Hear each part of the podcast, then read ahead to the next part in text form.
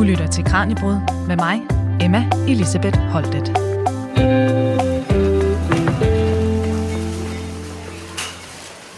Prøv at forestille dig, at du kan gå ned i supermarkedet og købe kød, der er dyrket i en slags tank. Såkaldt kultiveret kød. Kødet har et minimalt CO2-aftryk. De marker, der førhen blev brugt til at gro dyrefoder, kan potentielt lægges ud til vild natur. Der er ikke blevet brugt masser af kostbare vandressourcer i produktionen, og du skal til med ikke bekymre dig om dyrevelfærd. Med andre ord, der er tale om kød, som du kan spise med god samvittighed. Er det her Altså, det lyder jo næsten for godt til at være sandt. For vil det her nogensinde kunne matche det rigtige kød i smag, udseende og konsistens? Kan forbrugerne overbevises om at købe noget, nogen kalder kunstigt kød eller laboratoriekød? Og hvad med etikken i det? Leger vi Gud, når vi dyrker animalske produkter i bioreaktorer? Og hvad med landmændene? Tager vi hermed brødet ud af munden på dem? Alt det her, det skal vi se nærmere på her i dagens Kranjebrud, når vi dykker ned i det, vi kalder cellulære fødevarer, og herunder altså særligt det kultiverede kød. Men inden vi kommer så langt og øh, får svar på alle de her mange spørgsmål, Jette, det her med at spise mindre kød, det er jo noget, vi hører igen og igen og igen, fordi det er noget af det, vi kan skrue ned for, hvis vi vil vende skuden i forhold til sådan noget som den globale opvarmning og, og vores CO2-udledning her i, i Danmark. Hvordan kan det så være, at vi rent faktisk regner med, at det globale kødforbrug, det kommer til at stige i fremtiden? Der er nogle undersøgelser, der viser, at det kommer til at stige en lille smule i, i vores del af verden, i den mm. rige del af verden, men det faktisk kommer til at stige en hel del i mellemindkomst og specielt lavindkomstlande. Så, så det vil sige, at når vi ser på Danmark, hvor man siger, at vi forsøger at reducere vores, øh, vores forbrug, og vi, vi, vi, det ser ud til, at der er lidt i den, i den trend, mm. men i det store perspektiv, så fylder Danmark jo ikke ret meget, vores 5 millioner, 6 millioner øh, mennesker. Så, så det globalt set, så er der stadigvæk en forventning om, at kødforbruget vil stige. Øh, og, og, og derfor er det jo stadigvæk relevant at snakke om, at kan vi substituere en del mm. af det konventionelt dyrket kød med, med noget andet, så vi reducerer det, det, det totale forbrug af dyr, kan man sige, globalt. Ja, så altså, det er altså mildestalt, kan vi sige, vigtigere end, end nogensinde i virkeligheden at se på nogle alternativer der måske ikke skal erstatte, men så i det mindste kan supplere den her traditionelle kødproduktion, vi har haft. Ja, jeg, jeg tænker, der, der er plads til begge dele, mm. øh, og selvfølgelig er det kun, hvis vi får produktionen op at køre på det her kultiverede kød, den her alternative måde at producere kød på, hvis den rigtig får fat, at det så kan bidrage til, til, til den store klimadagsorden. Så, og det er jo så det, vi skal, vi skal snakke om, det vi forsøger at, øh, øh, at, at blive klogere på i dag. Det er jo det. Og øh, til jer, der lytter med, velkommen her til øh, dagens Kranjebrud. Og det er altså netop det her, vi skal blive klogere på i dag for forskere på Aarhus Universitet de skal igennem de næste fem år arbejde på det her med øh, cellulære fødevarer, Cellfood-projektet, som det hedder, og altså herunder kultiverede mælke- og kødprodukter. Og til at gøre os klogere på øh, det her nye kød, og altså ikke mindst på det her nye projekt på Aarhus Universitet, der har vi, som I kan høre, fået besøg her i studiet af Jette Forvejle Young, der er lektor og forskningsgruppeleder på AU's Institut for Fødevare. Så Jette, sådan officielt velkommen tilbage her til Kranjebrud. Tak for det. Og det er jo ikke første gang, du er med, så jeg kan også sige til lytterne nogle af de her ting, vi skal snakke om. Øh, du har faktisk lavet et program tidligere om, øh, om, om det her, og det øh, blev kaldt kunstigt kød, så det kan lytterne altså også gå ind i podcast-appen og, og finde. Men I har jo så gang i en masse nye ting her, og, og det er jo altså noget af det her, vi skal dykke ned i. Vi skal høre meget mere om det her projekt, og hvad I skal lave de næste fem år. Men, øh, men lige for at, at forstå det her helt, fordi altså det, det lyder jo, som jeg sagde i introen, næsten for godt til at være sandt, det her. Ikke? Og det lyder også sådan lidt sci-fi-agtigt, så lad os lige prøve at forstå, hvor tæt vi egentlig er på det her, og hvad det her kød det, det egentlig kan. Altså er det realistisk, at det her det sådan kan blive en del af, af løsningen på noget så omfattende som klimakrisen og andre store kriser, som vi taler om i forhold til, til vores miljø og, og natur? Jeg tror, det er vigtigt, som du siger, en del af løsningen. Mm. Det er ikke en, som går ind og løser alle vores problemer, fordi så, øh, øh, så skulle vi nok have flere penge for at lave det, vi laver. Ja. men men jeg, jeg tænker, det kan være en, en del af løsningen, så det bliver, kan blive en, en del der, der er noget, nogen, der har forsket i de der livscyklusanalyser, som, som forventer, at vi bruger mindre vand, som forventer, at vi bruger mindre areal, og som mm. forventer, at vi bruger lidt mindre energi, men ikke så meget. Der vil helt klart skulle noget grøn energi ind over, øh, og helt klart øh, aftrykket på, på klimaet i forhold til, øh, til konventionelle dyr, den, den er drastisk reduceret. Mm. Men der er jo mange andre ting, for eksempel i, i klimaaftrykket, som, øh, som de bare skal være en del af. Så jeg tænker, der skal mange, mange delelementer til for at løse de her kæmpe mm. øh, udfordringer, som, som vi står med i dag. Mm. Men det kan altså være en, en brik i puslespillet, om man, øh, om man så må sige det her. Ja, det tænker jeg. Ja. Og hvis vi nu skal forklare det lidt for simpelt, som sagt til lytterne, hvis vi virkelig vil dykke ned i, i de tekniske aspekter af det her, så lyt til det program, der hedder øh, Kunstigt Kød, som øh, I kan finde inde i jeres øh, arkiv inde i, i Radio 4-appen. Øh, men bare lige så vi også forstår det nu, altså det her cellulære fødevare, hvad er det for noget, og hvordan laver man dem sådan meget forsimplet fortalt? Cellulære fødevarer dækker over flere ting. Det dækker over, øh, alt sammen dækker noget, der har udgangspunkt i en celle. Mm. Og når vi snakker om kød, så er det muskelcellen, vi tager udgangspunkt i, også lidt fedtceller, men, men det er det, vi tager udgangspunkt i, og der spiser vi cellen som sådan.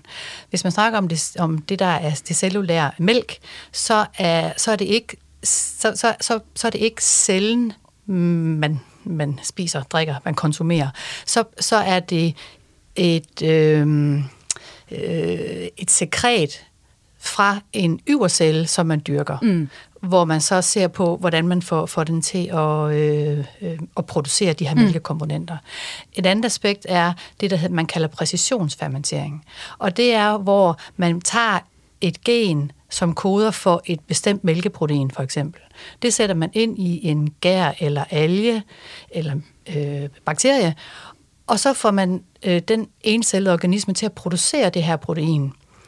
Og så kan man for eksempel sætte det til at lave fem forskellige proteiner eller sådan noget. Mm. Og så kan man samle dem og så sige, nu har vi noget, der ligner mælk. Mm. Øh, der er selvfølgelig mange, mange, mange flere elementer i mælk end fem proteiner. Men nogle gange kan det godt forsvare sig at sige, at den har en, det kan have en funktionel øh, øh, betydning, mm. for eksempel som, hvor man normalt vil putte noget mælkepulver i for at understøtte en eller anden tekstur i et sammensat fødevare eller ja. sådan noget.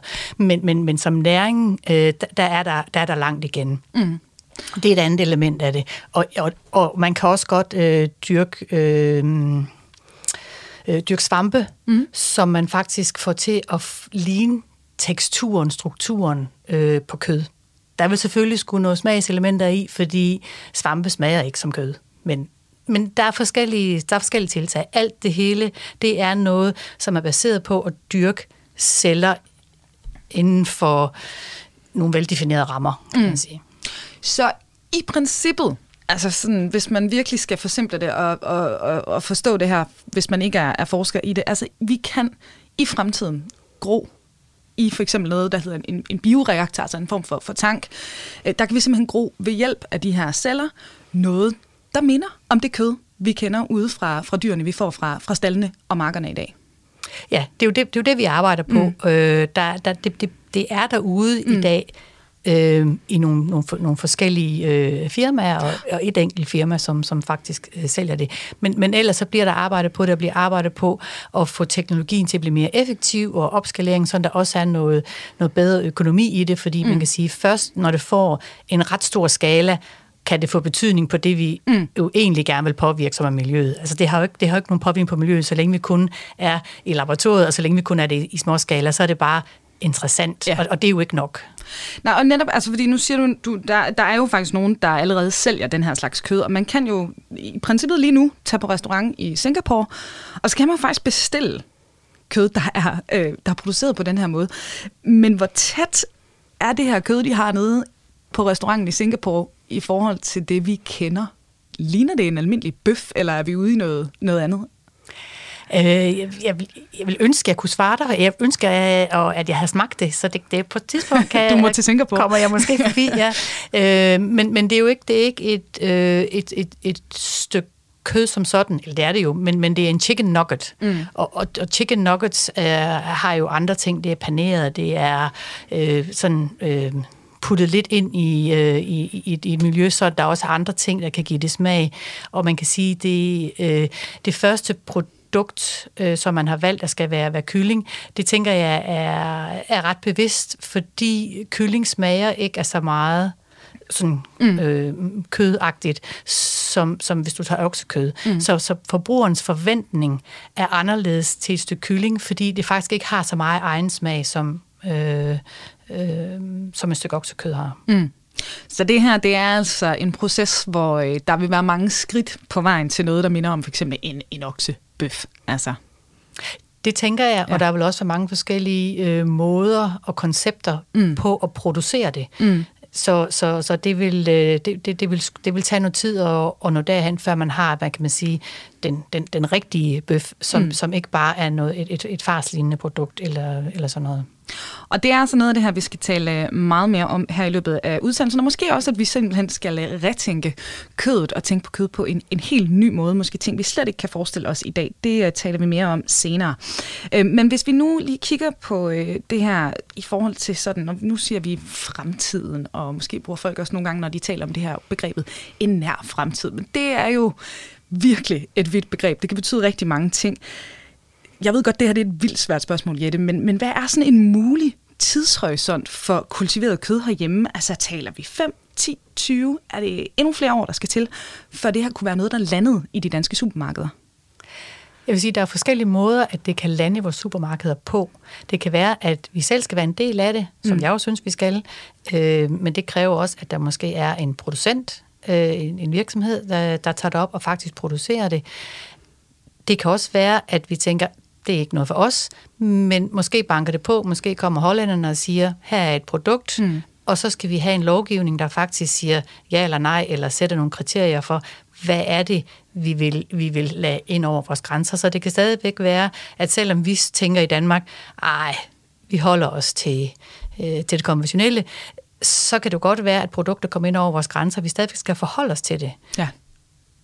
Så og nu siger du Holland, og det er fordi, der er faktisk nogle firmaer, eller et firma øh, i, i Holland, der arbejder på det her, ikke også? Ja.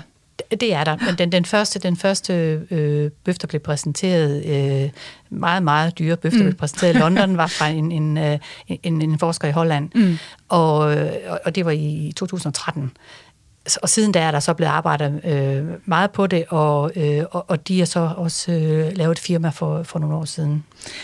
Og øh, det er altså ikke kun i Holland, man arbejder på det her, for nu skal vi øh, videre her i øh, programmet. Vi skal nemlig dykke ned i det projekt, som øh, Jette og andre forskere op på AU, de skal arbejde med, og har fået 15 millioner fra Aarhus Universitets Forskningsfond, hvor de altså netop de næste fem år skal arbejde med de her cellulære fødevarer. Du lytter til Radio 4. Og øh, til nye lyttere, der er kommet til, der kan fortælle i dag, der har jeg fået besøg af lektor og forskningsgruppeleder Jette Forvejle Young, for vi er i fuld sving med at blive klogere på de animalske produkter, vi i fremtiden kan dyrke i en slags tanke- eller bioreaktor. Herved der kan vi nemlig blandt andet lave kød med et minimalt CO2-aftryk. Og øh, Jette, inden for paraplyen af de her cellulære fødevarer, som øh, vi nu har, har talt om, det her self-food-projekt, som I nu skal i gang med på Aarhus Universitet, hvad er det overordnet set, I skal bruge de her 15 millioner til? Over, det, altså overordnet set, det er sådan set et godt udtryk, fordi mm. det er faktisk sådan lidt en, en et paraplyprojekt. Mm. Det er et projekt, hvor vi gerne vil have, have andre forskningsmiljøer fra Aarhus, Aarhus Universitet til at gå sammen om at udvikle på det her. I øjeblikket, der, der har vi øh, mest aktivitet på det i Institut for Fødevare. Der er også noget i Institut for Animal Science, øh, hvor de arbejder en hel del på, på, på mælkedelen. Øh, det gør vi også i Institut for Fødevare i, i det samarbejde med dem, og vi har fælles projekter. Men, men der er flere institutter, hvor vi kan se, der kan være et potentiale på præcisionsfermentering for eksempel, i forhold til sundhed, mm. og ingeniørerne i forhold til bioreaktorer. Så der er mange så mange steder, hvor vi, vi kunne, øh, hvor vi kunne bruge andre miljøer, også i forhold til, til forbrugeraccept og, og, og, og finde ud af, hvor er forbrugeren henne, mm. og, og, og hvordan, øh, hvordan får vi gjort det... Øh, ja, spiseligt øh, for, for forbrugeren. så, så, så på den måde, så, så, så det, det her øh, flagskib, det skal være med til, at vi får forskellige miljøer til at arbejde sammen mm. og lave projekter sammen. Der er lidt en løftestang i det, at vi har nogle penge, hvor vi bruger det til det, man kalder public outreach, altså til at, at række ud til forbrugeren, mm. til, for, til forbrugerundersøgelser og sådan noget. Og, og der er også lidt til, at vi kan medfinansiere øh, nogle phd projekter og noget postdoc. Mm. Men selve projekterne, det skal bæres af de forskningsmiljøer, som vi får til at arbejde sammen. Så det er det, man kan sige, det er, det er 15 millioner over fem år, så det er 3 millioner om året. Så vi kan ikke løfte kæmpestore projekter i mange forskellige miljøer, men vi kan gøre, at vi får skabt den her platform, som vi kan tage udgangspunkt i og lave projekter, dels inden for universitetet, men også række ud til de miljøer på andre universiteter, som er relevante i projekter sammen med øh, institutter på Aarhus Universitet. Så bare lige for at være sikker på, at jeg forstår det. Altså, I skal både kigge på sådan det tekniske i, hvordan man rent faktisk kan lave de her fødevarer, men I skal altså også kigge på kulturen på en eller anden måde. Altså, hvad der skal til for at overbevise forbrugerne om, at det her det er også noget, de har lyst til at spise.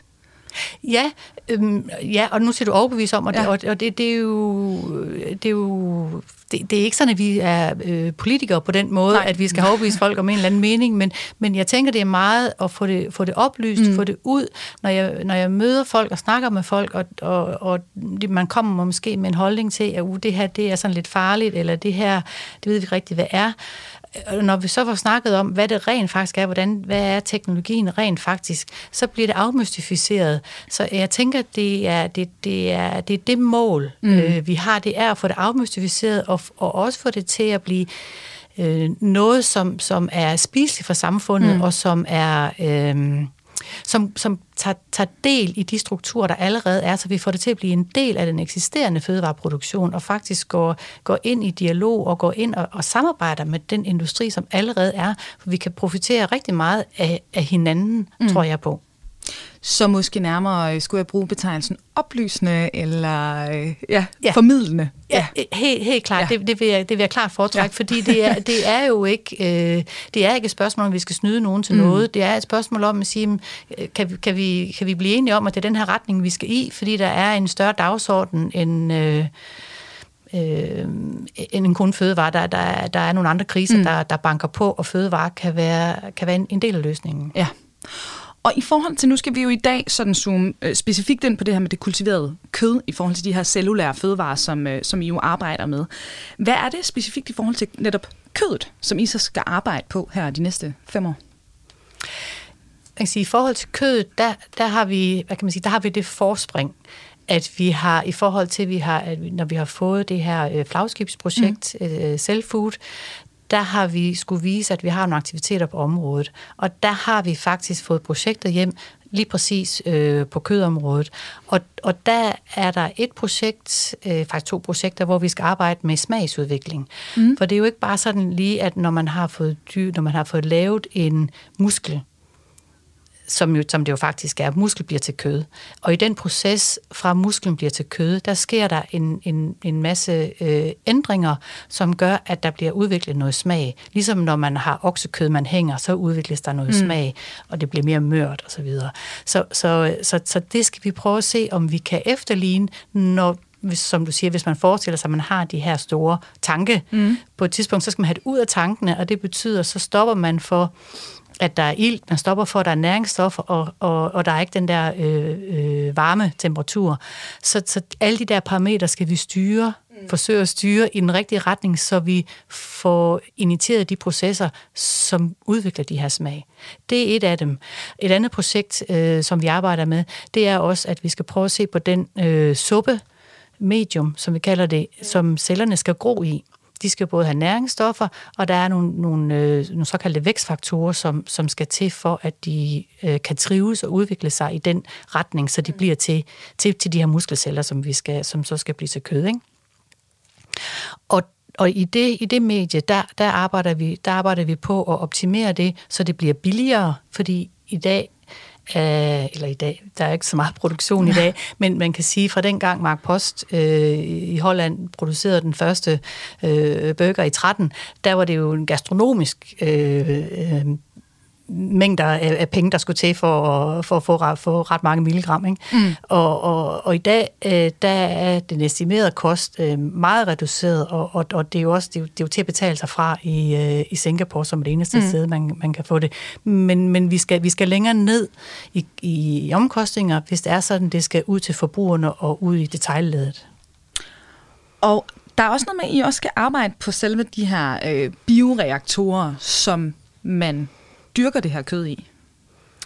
Ja, vi har, man kan sige, vi, i, lige nu, der har vi ikke projekt decideret på bioreaktoren. Mm. Men, men øh, det ligger klart i, at vi skal prøve at, og, øh, hvad kan man sige, lave en opskalering, så vi kommer til at arbejde med en lille smule opskalering i laboratoriet, mm. på laboratoriebasis. Så, så det vil klart være noget af det, som flagskibet skal hjælpe os med, det er at række ud til ingeniørerne til forskellige mm. fagområder, hvor vi kan prøve at se, hvordan får vi det så op i, nogle, i, en, i en lidt større skala. Og der vil skulle nogle specielle bioreaktorer til, fordi de her celler opfører sig ikke ligesom når man laver øh, det, man kalder præcisionsfermentering mm. i, i, i tanke, hvor der er nogle enkelte nogle enkeltcellede organismer, som kan være i suspension, som kan flyde rundt i den her suppe. Øh, muskelceller, de skal sidde fast på en overflade. Mm. Og det stiller nogle helt andre krav til, til bioreaktoren. Vi skal finde den rigtige overflade, og vi skal finde ud af, hvordan vi får det her flow af medie, den her suppe, mm. igennem, sådan at vi får næringsstoffer hen til cellerne, og så vi får affaldsstoffer væk fra cellerne, så de kan, kan, kan vokse mm. og, og, og udvikle sig. Og det er jo så her, som jeg forstår det, at for eksempel, der kunne det være noget soja eller noget andet, der sådan set kunne indgå som en del af det her kødprodukt, som, øh, som kunne være det inde i de her bioreaktorer, der gør, at, at der er noget at binde sig fast til. Er det rigtigt forstået? Ja, der er, der er et, øh, et forskningsprojekt fra, fra Israel, hvor de har vist, at de kan få de her celler til at, at gro på, øh, på sojaprotein. Mm på noget tekstureret sojaprotein. Og, og, og det i sig selv er, er jo interessant, at man ikke behøver at bruge øh, en, en øh, man kan bruge en animalsk øh, produkt til, at det kan gro på, men at man også kan bruge et, for eksempel et sojaprotein til, at det kan gro på. Så kan man jo se, hvad man så, skal vi så kalde det kød? Skal mm. vi kalde det et hybridprodukt. Ja. Hvad skal vi kalde det? Fordi det er måske ikke noget, som vi sådan umiddelbart kender. Så det gør jo også igen, at det bliver måske et helt tredje produktkategori, hvor mm. vi har en kombination af noget vegetabilsk, men hvor vi har smagen mm. fra noget kød. Og, og man kan sige, hvis vi skal gøre det i vores del af verden, så skal vi måske arbejde med ærteprotein eller noget andet protein, i stedet for sojaprotein, fordi det er jo ikke noget, vi lige dyrker i vores mm. nærområde. Men, men, men det kunne være noget andet, så, så det, det er også noget, vi, vi skal kigge på, hvordan passer det til, til vores nærmiljø. Og mm. det er mm. også derfor, at det er vigtigt, at vi laver forskning i, i flere forskellige dele af, af, af verden, fordi der er forskellige vilkår, og der vil også være forskellige lovgivninger i sidste ende for, hvordan vi kan sætte den her produktion op. Så man kan sige, at i virkeligheden, det, det, det kan være, at vi arbejder hen mod nogle produkter, vi slet ikke kan forestille os i dag, fordi vi ikke kender dem, vi ikke har dem i forvejen. Lige præcis. Det, ja. det kan sagtens være, at, at, at vi ikke kender dem og ikke har dem. Så, så det er, øh, det, det er øh, meget interessant øh, område. Også, også smag, for eksempel. Mm. Skal, skal, skal det, de skal gro på, være neutral i smag, eller kan det, de skal gro på, faktisk bidrage til smag?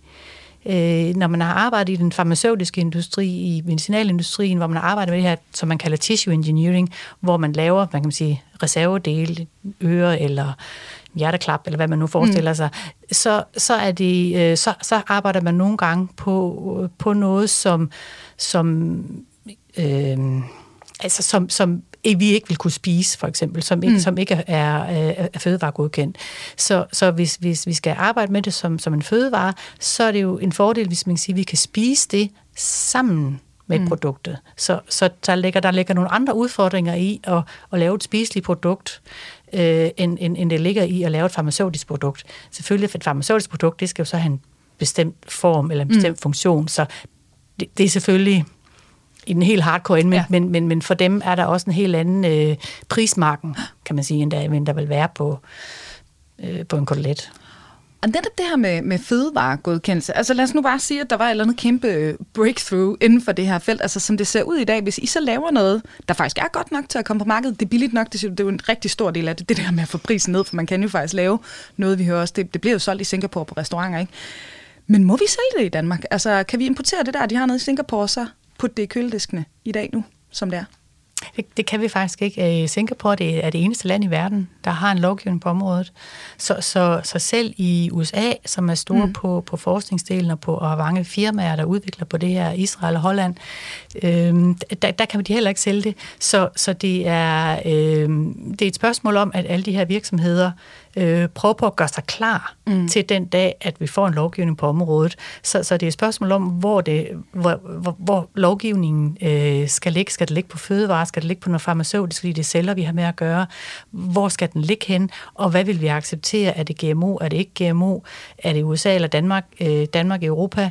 Øh, jeg forestiller mig, at, at, at vi kan skubbe på øh, mm i Danmark, øh, i Holland skubber de helt sikkert på ja. os, hvor man kan sige, at vi, vi bliver helt sikkert en, en del af en, af en europæisk øh, lovgivning på området.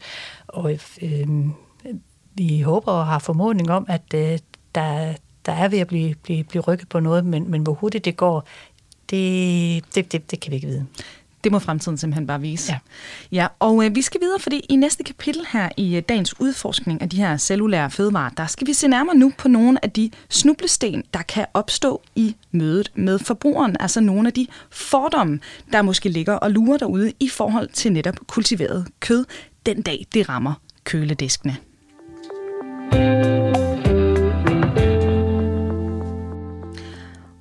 Og øh, til dig, der er kommet til undervejs, du lytter lige nu til Kranjebrød Radio 4's daglige videnskabsprogram, hvor vi i dag stiller skarpt på det, man kalder kultiveret kød. Altså meget for simpelt sagt, kød, der er groet fra celler i en tank. Hermed altså ikke kød, der kommer direkte fra et dyr, der er opvokset i en stald eller på en mark.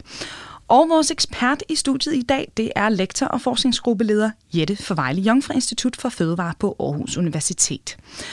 Og øh, Jette, når man, når man som øh, forsker eller industrien eller andre medspillere kaster sig ud i sådan noget her, som at arbejde på for eksempel en helt ny slags kød jo i virkeligheden, altså så vil der vel unægteligt opstå nogle øh, etiske dilemmaer undervejs, formentlig også en masse fordomme, altså fra blandt andet forbrugernes side, men også måske andre aktører.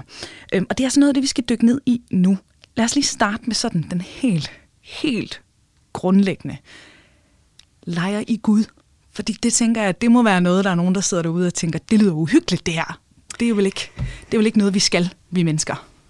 Altså jeg tænker, hvis man snakker, altså Gud, det er noget med tro. Mm. Øh, og, og jeg tænker, det er ikke tro, vi har med at gøre. Det er naturvidenskab, og det er nogle biologiske processer, som foregår. Vi får meget hjælp af naturen, vi får mange idéer fra naturen, og alt det, som vi bruger her, det er jo inspireret af nogle af de processer, som er i naturen. Mm. Så er vi bare blevet dygtigere og dygtigere til at efterligne dem, eller hvad kan man sige, til at få, få mere ud af det. Mm. Øh, og, og det er jo også det, vi bruger i vores fødevareindustri allerede i dag. Der, der gror jo ikke øh, ost på træerne, vel, eller øh, kommer ost ud af yveret. Det er jo en proces. Mm. Så, så, så på den måde, så er det jo ikke, slet ikke nyt i, i, i fødevaresammenhæng, at, at vi processerer meget og, og omdanner ting, som, som jo... Øh, som jo heller ikke er naturlige. Man kan sige, øh, mælk bliver sur, jamen så har vi fået styret det, så mm. vi får det til at blive til noget syrnet mælk, som vi faktisk som ikke er farlig for os. Mm. Så, så på den måde styrer vi naturen, hvis, hvis det er det, du mener med, at der er noget øh, overnaturligt. Der er ikke noget overnaturligt, men, vi, men du har ret, vi går ind og styrer nogle processer, mm. som, øh, som vi gør til vores fordel. Mm. Jamen, jeg tænker bare, fordi det er, det er jo også, altså nu har du allerede nævnt sådan noget som GMO, for eksempel, ikke? det er jo hver gang, der kommer de her nybrud inden for forskning, selvom det måske minder om noget, øh, der egentlig er sket i mange år ude på laboratorier, i industrien og andre steder, så kan det jo fra forbrugerens side godt lige pludselig virkelig lidt skræmmende, altså at blive konfronteret med en eller anden virkelighed, de måske slet ikke vidste fandtes ude i, i, i produktionen. Men det ved de så i kraft af, at der så kommer et nyt produkt eller en ny teknik øh, sådan i, i den offentlige bevidsthed. Men det er måske ikke noget, I sådan i virkeligheden er, er så bekymret for i den her sammenhæng. Øh, jo, jeg vil sige, at vi er bekymrede, øh, okay. øh, og, jeg, og jeg tænker, det, er også, det, det kommer også meget an på, hvordan vi får, altså simpelthen får, får snakket om det. Hvad er det, mm. for, hvad, hvad er det for et ord, vi kommer til at bruge? Lige nu bruger vi kultiveret kød i mangel af bedre. Jeg ved ikke, om det bliver det bedste bud, Nej. eller om det er der, vi lander. Men, men det har haft mange forskellige udtryk, som du også øh, gav udtryk for i starten mm. af udsendelsen. Øh, og for vi skal lige sige, det, det, er ikke, det er det samme, vi snakker om. Mm. Derfor så prøver vi at se, kan vi, kan vi kalde det øh, for kultiveret kød for nu. Men, men det, at det er ukendt, mm. øh, der, derfor stiller vi også op rigtig meget i forskellige sammenhænge for at få snakket om det og afmystificeret det, øh, som, som jeg snakkede om før. Fordi hvis der er sådan, der kommer nogle, nogle misforståelser, som simpelthen bider sig fast, mm. så, så kan det være rigtig svært at, hvad kan man sige, øh, komme igen med en ny vinkel på det. Ja. Vi har et eksempel på, da vi da for eksempel vi snakkede om, om kødklister for, for mange herrens år siden. Det er altså heller ikke et godt ord. det er ikke et godt ord, og jeg tror ikke, det er en forsker, der fandt på det, må jeg sige. Men, øh, men, men, men det, er jo, det er jo et spørgsmål om, det var et enzym, et enzym er et protein, som sætter to stykker kød sammen. Der er hverken noget ulækkert eller noget underligt i det. Altså, hver dag, så spiser vi alle sammen noget med, mm. med enzymer i. Al ost er baseret på enzymer, så det, det er ikke noget hokus pokus, men det fik et lys af, at der var noget hokus pokus. Mm. Dengang var det selvfølgelig også et spørgsmål, om man sætter to stykker kød sammen, men hvis man deklarerer, at det er to stykker kød, man får sat sammen, så er der egentlig ikke noget underligt i det. Nej, og til de lyttere, der måske ikke kan huske det her med, med kødklistret, altså sådan lidt øh, for simpelt sagt, det var vel egentlig en måde at reducere madspild på, ikke? Og så fik det bare den her betegnelse i medierne, kødklister. Ja, og jeg tror, fordi på det tidspunkt, hvor det var frem, der havde vi ikke så meget fokus på madspild mm. og på sidestrømme, som vi kalder det osv. Der, der var ikke så meget fokus på det, men, men der blev det meget mere en opfattelse af, at det her det er en måde, hvor industrien kan spare nogle penge på, og så kan de samle lidt sammen, og så sætte det sammen i en klump, og så bliver det til noget, der ser rigtigt ud. Mm. Og, og, og, og i dag vil man jo sagtens kunne sige, jamen, hvis, hvis det, det kunne få et helt andet lys, hvis man siger, jamen, det er for at, øh, at reducere øh, noget spild, eller det er for at gøre noget spild nemmere tilgængeligt, kan mm. man sige, eller en sidestrøm nemmere tilgængeligt for en forbruger. Hvis du så bare deklarerer det, så er der jo ikke noget odiøst i det, og det er ikke giftigt, det er ikke farligt, og det giver samme næringsværdi. Det, ja, Ja. Der er ikke meget dårligt at sige om det, ud over navnet. Og så viser det måske, hvor vigtigt et navn kan være i, i den her sammenhæng, ikke? Lige når det kommer til fødevarer. Og det skal vi nemlig også ind på øh, lige om lidt. Men inden da, øh, i forhold til de her fordomme, I kan møde, jeg synes faktisk allerede, du har svaret på det, men lad os lige for god ordens skyld få, få skåret ud i pap. Tager I, I brødet ud af munden på, på alle de landmænd i virkeligheden, der holder dyr? Det gør I vel ikke? Fordi jeg hørte også sige, at det her det skal supplere produktionen, altså øh, den vi kender. Det skal ikke erstatte den. Nej, og man kan sige, det kan, det kan jo være et produkt, som supplerer, så det er noget, der kører sideløbende i produktionen. Mm. Men, men jeg vil også ønske, at vi faktisk kan blive flettet sammen, mm. sådan at vi faktisk udnytter hinanden, fordi det her produkt, det har jo brug for nogle muskelceller, og de muskelceller kan vi lige så godt tage fra et dyr, der er slagtet. Vi har lavet forsøg med det, og vi, kan, vi behøver ikke at have det fra et, ung, fra et, et helt ungt dyr. Vi kan godt tage det fra et slagtedyr, vi kan faktisk godt tage det fra slagtelinjen. Så det betyder, at, at vi, vi kan sådan set bare bruge det dyr, der måske alligevel bliver slagtet. Mm. Øh, og, og måske kan vi også bruge nogle andre af de ting, der er, de, de sidestrømme, som er fra, fra slagteriindustrien, i den suppe, den, det næringsmedie, som cellerne skal gro i. Så det er også noget af det, vi har fokus på i, øh, i et af de forskningsprojekter, vi har. Fordi vi tænker, at vi lige så godt kan lave det, det man kalder cirkulært. Mm. Ikke? Den der cirkulære, øh, øh, både cirkulær økonomi og, og, og, og cirkulært i forhold til, til produkter. At hvis vi går sammen med den etablerede industri, så kan vi måske bare få en ko til at blive til 1,4 ko, eller en ko til at blive til 15 køer mm. på produktsiden jeg ved ikke, hvad, hvad potentialet er, men man kan sige, at man får mere ud af de dyr, som lader livet. Mm. Det, øh, det, det tænker jeg kunne være, øh, kunne være et, et, et, et, et fint perspektiv. Og netop i forhold til det her med, med stamcellerne, øh, cellerne man, man anvender i den her produktion af, af det kultiverede kød for eksempel, øh, der er jo sådan en begrænsning på, sådan som jeg forstår det, hvor mange gange man ligesom kan bruge en celle i produktionen. Du kan ikke bare blive ved med at gentage den her proces. Øh, altså skal man også sådan noget som altså genmanipulere de her celler, eller hvad, hvad er ideen i forhold til det? Og er der nogle overvejelser der? Ja, altså, man, man, man kan jo godt genmanipulere. Det er lidt et spørgsmål om, dels hvilken lovgivning man er under. I Danmark, der genmanipulerer vi ikke i forhold mm. til fødevarer. Det er lovgivning ikke til. Det er den i USA. Mm. Så derfor så har man måske et andet udgangspunkt, et andet startpunkt i, øh, i USA. Det kan være, det kommer i Danmark, det kan være, det ikke gør, men, men man kan sige, så må man arbejde inden for, inden for de rammer. Man kan vel godt gå ind og manipulere genetisk, sådan at du får nogle celler, som kan fordoble sig flere gange, mm. så man kan sige, processen bliver mere effektiv. Mm. Øh, alternativt kan vi sige, jamen hvis vi start, tager den muskelstamcelle, som, som, som vi arbejder med, og som vi ikke manipulerer, men tager ud og bruger det potentiale, det allerede har, så skal man have en kontinuerlig øh, adgang til til nye celler. Mm. Så i bund og grund, så kan man egentlig gøre den her proces grønnere ved rent faktisk at genmanipulere de her stamceller?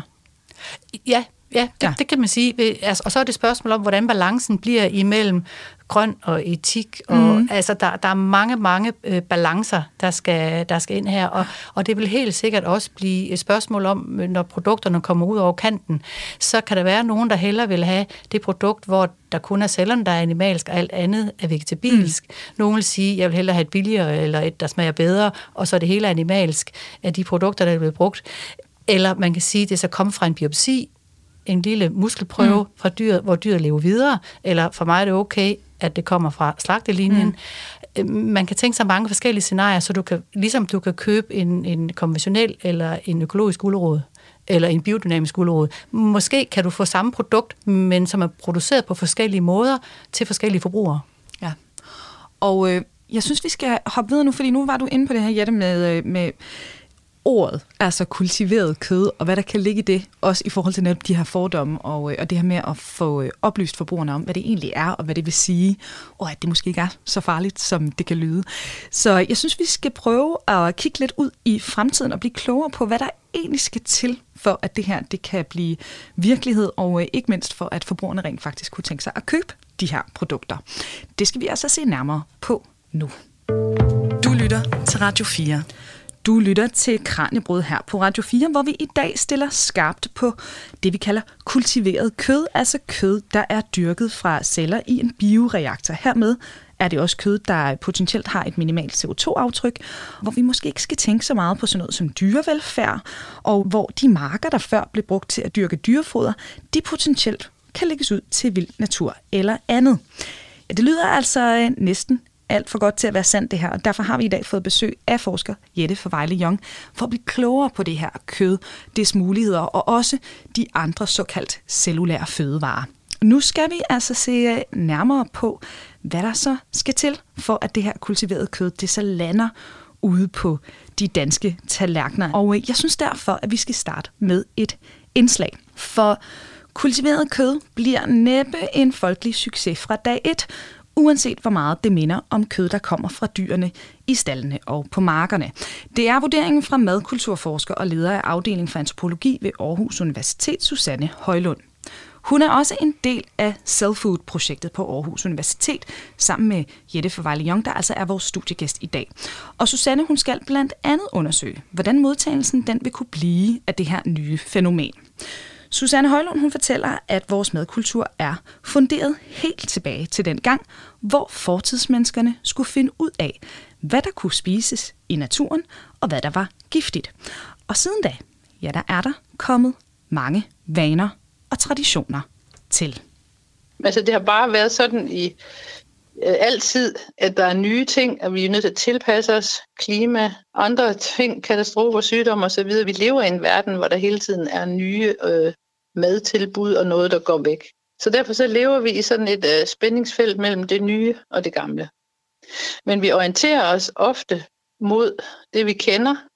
Vi spiser det mad, som vores mor har lært os, eller som man nu spiser her i Danmark, eller på den her egen. Eller, øh, og det er der, madkulturen spiller en rolle, som sådan en guide for os. Og så kan man være mere eller mindre tiltrukket af det nye. Man kan være sådan en, en spiser, øh, eller en smager, der er helt vild med det nye, og derfor absolut må smage det. Og man kan være en, der omvendt er meget bange for det nye, og altid læner sig op af det, man kender, og altid skal have det traditionelle. Men det er det, madkultur kan. Det kan skabe sådan en, en rygsæk af implicit viden, som ligger i os, og som hjælper os med at vælge, hvad vi skal spise. Men hvis vi så hører, at kultiveret kød er godt for klimaet, og det ved vi, det er vigtigt, er den rygsæk så så tung, at det er svært at slippe den? Ja, det, det er så der, at jeg kan komme i tvivl. Det er i hvert fald der, der skal gøres et stort arbejde, og vi skal også ud og undersøge det her projekt. Hvad er det?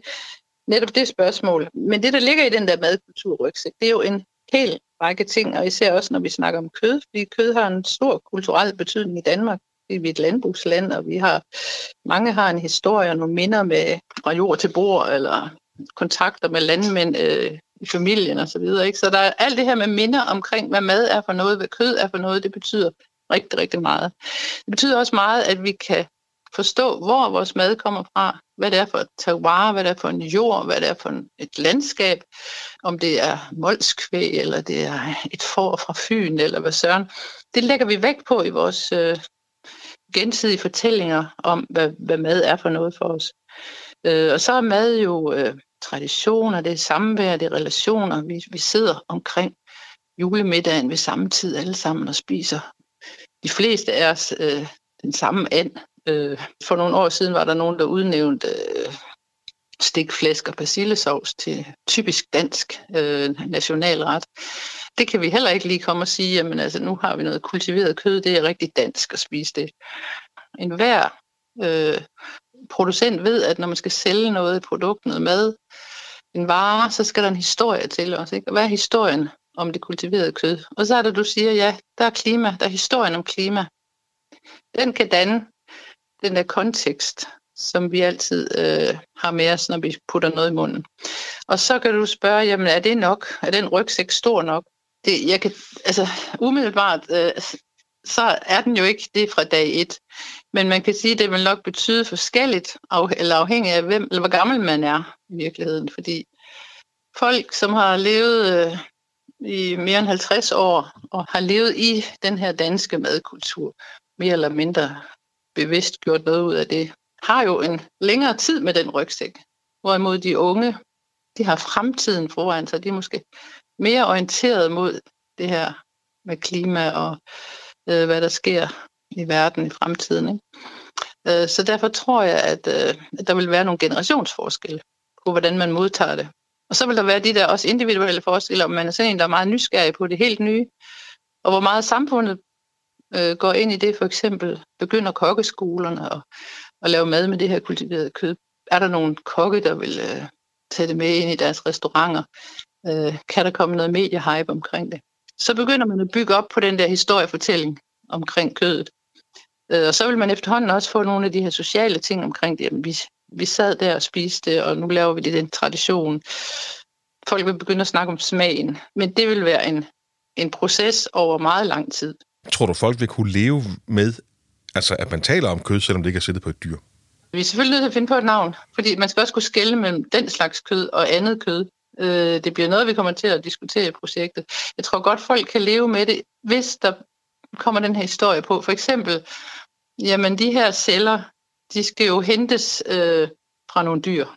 Så i virkeligheden så kan landmanden gå tilbage til at være den gammeldags romantiske landmand, der har øh, fem køer, som han passer og plejer rigtig godt, og så kommer der en dyrlæge en gang om måneden og henter nogle celler. Øh, så kan man jo godt fortælle historien om, hvor de her celler kommer fra. Øh, og det vil jo bidrage til den her accept. Du lytter til Radio 4 fortalte her Susanne Højlund, madkulturforsker og leder af afdeling for antropologi ved Aarhus Universitet, som altså også er en del af Self-Food-projektet. Og øh, det var vores rapporter Kasper Friis, der stod for indslaget.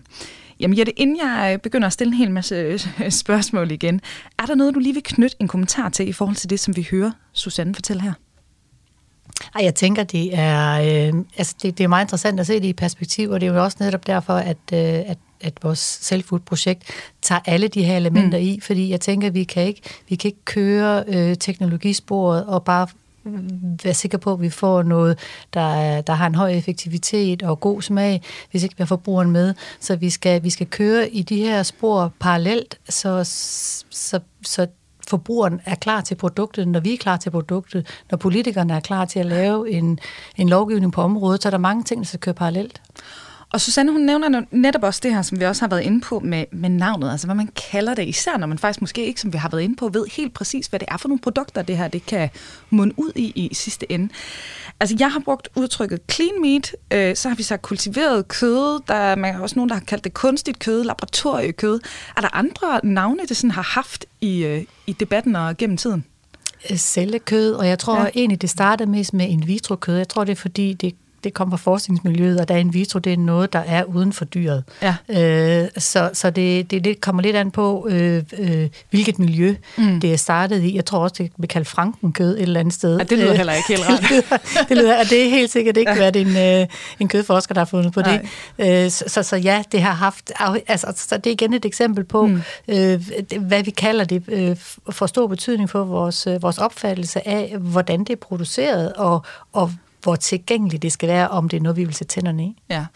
Og jeg kan sige til lytterne, altså hvis I nu sidder derude med en øh, mega god idé til, øh, hvad det her det skal hedde, så kan I skrive ind på vores øh, mail, det er radio4.dk, og så lover jeg, at jeg sætter alle de gode øh, forslag videre til Soulfood-projektet, så kan det være, at de får noget inspiration fra, øh, fra lytterne der.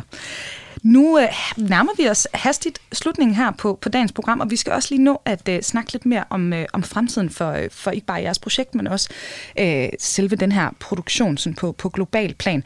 Hvis der virkelig skal ske nogle, øh, nogle, nogle sådan øh, store ryg i forhold til det her, nu har vi snakket meget om den offentlige bevidsthed, men sådan rent teknologisk, altså øh, er det forskerne eller industrien, der primært skal på banen for at få det her skubbet fremad, sådan rent teknologisk? Jeg tror, det kedelige svar er, at det er faktisk begge dele. Mm. Øh, og, og lige nu, der, tror, der mener jeg, at der er, der er en skævvridning. Fordi der, har ikke rigtig, der er ikke ret meget offentlig forskning på området. Meget langt det meste af forskning, det ligger ude i, i de sådan, i, re, i realiteten relativt få virksomheder, som har været på banen i nogle år efterhånden. Og de har, de har skabt nogle forskningsmiljøer, men af gode grunde, så kommer der ikke ret meget ud fra de forskningsmiljøer, for de de beskytter jo deres, øh, deres rettigheder, fordi de skal være klar til at give noget tilbage til investorer og så videre, øh, og, og håber på at være first mover på det her, når mm. der kommer lovgivning på det. Og, og det, det er der jo ikke noget odiøst i, men det er bare sådan, den verden fungerer. Det jeg tænker, det er, at det er vigtigt, at vi er flere forskningsmiljøer, som også kommer på banen, fordi vi måske kan tilbyde en, noget, noget andet, fordi vi faktisk det ligger jo i vores DNA, det er vores produkt, det mm. er at publicere det, vi finder ud af. Og det gør jo, at vi som forskningsmiljøer kan komme til at stå oven på hinanden, og så står det jo frit for virksomhederne at tage viden fra den videnskabelige litteratur og implementere i, i, øh, i deres produktion. Så jeg tænker, det, det, det er vigtigt, at vi også får nogle offentlige midler på det her område, sådan at vi faktisk får sat mere strøm til det mm. her, så vi, så vi kommer til at få, øh, få en større øh, vidensmasse på området. Og nu har I jo netop altså faktisk fået 15 millioner fra Aarhus Universitets Forskningsfond til at arbejde med, med de her cellulære fødevarer. Hvad er du mest spændt på, eller altså, hvad ser du mest frem til i forhold til realiseringen af det her projekt hen over de næste fem år? Jeg ser mest frem til øh, at få etableret de her samarbejder, ja. fordi typisk har man jo fat i dem, man kender, og dem, man ved, som har lidt samme interesse, fordi man prøver på at lave et projekt, som er lidt fokuseret inden for det her område, fordi vi skal have gang i det. Men, men hvor der, hvor det er rigtig spændende, det ligger jo i, i interfasen imellem forskellige discipliner, mm. og, og, og det er det, vi skal have fat i. Så jeg glæder mig rigtig meget til, at vi, vi, vi kommer til at, at dyrke nogle celler og se på ernæring, hvordan tager de næringsstoffer op, de her celler, har de samme næringsværdi, som, øh, som, som, de, som man har fra kødet for eksempel, bliver de optaget på samme måde i kroppen. Øh, det, det vil blive vildt spændende at, øh, at dykke ned i. Og det er jo, vi har jo ikke øh, midler til det i vores øh, flagskibsprojekt, men, men, men det, det bliver noget, som vi kan få startet op på, og forhåbentlig er der så andre øh, øh, fonde, som laver åbninger og sprækker, hvor vi kan, øh, hvor vi kan søge, søge ind i ved, med, med det her. For det er underligt ved det, eller det er underligt, det anderledes ved det her forskningsfelt, det er jo, at der netop ikke er en industri på området. Mm. Så derfor så skal det bæres af, af, af forskerne i øjeblikket. Der er, der, det, det, det er meget begrænset. Altså, jeg øh, håber i hvert fald, at det, det lykkes, at det her det kommer ud i kølediskene. I har overbevist mig. Jeg er, jeg er klar til at, at købe det. Og øh, det bliver altså hermed alt, vi fik tid til i den her omgang af Kranjebrød. Vores guide herud i fremtidens cellulære fødevare, ja, det var Jette Forvejle Young, lektor og forskningsgruppeleder på Aarhus Universitets Institut for Fødevare, og altså med i det her enormt spændende self-food-projekt, der løber hen over de næste fem år. Jette, tusind tak igen, igen, igen for at være med her i, i dagens Kranjebrød. Og altså om ikke andet, vi får dog nok ind igen før det, men vi laver et follow-up-program og finder ud af alle de spændende ting, så I er kommet frem til der. I skal være hjertens velkommen. Jeg håber, der bliver meget at snakke om. Det gør der helt sikkert. Og hvis du allerede sidder derude og gerne vil vide mere, jamen så var Jette med i blandt andet det afsnit af Kranjebrud, der hedder Kunstigt Kød, og det finder du inde i vores programarkiv på din Radio 4-app. Og du kan også høre fra Jette i programmet Stegt Flæsk med persillesovs, som også ligger inde i arkivet, hvor vi gennemgår dansk madkulturs historie.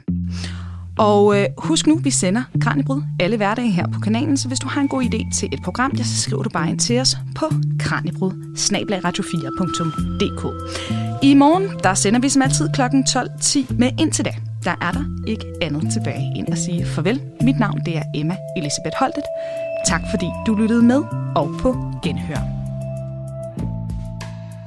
Programmet er produceret af Videnslyd for Radio 4.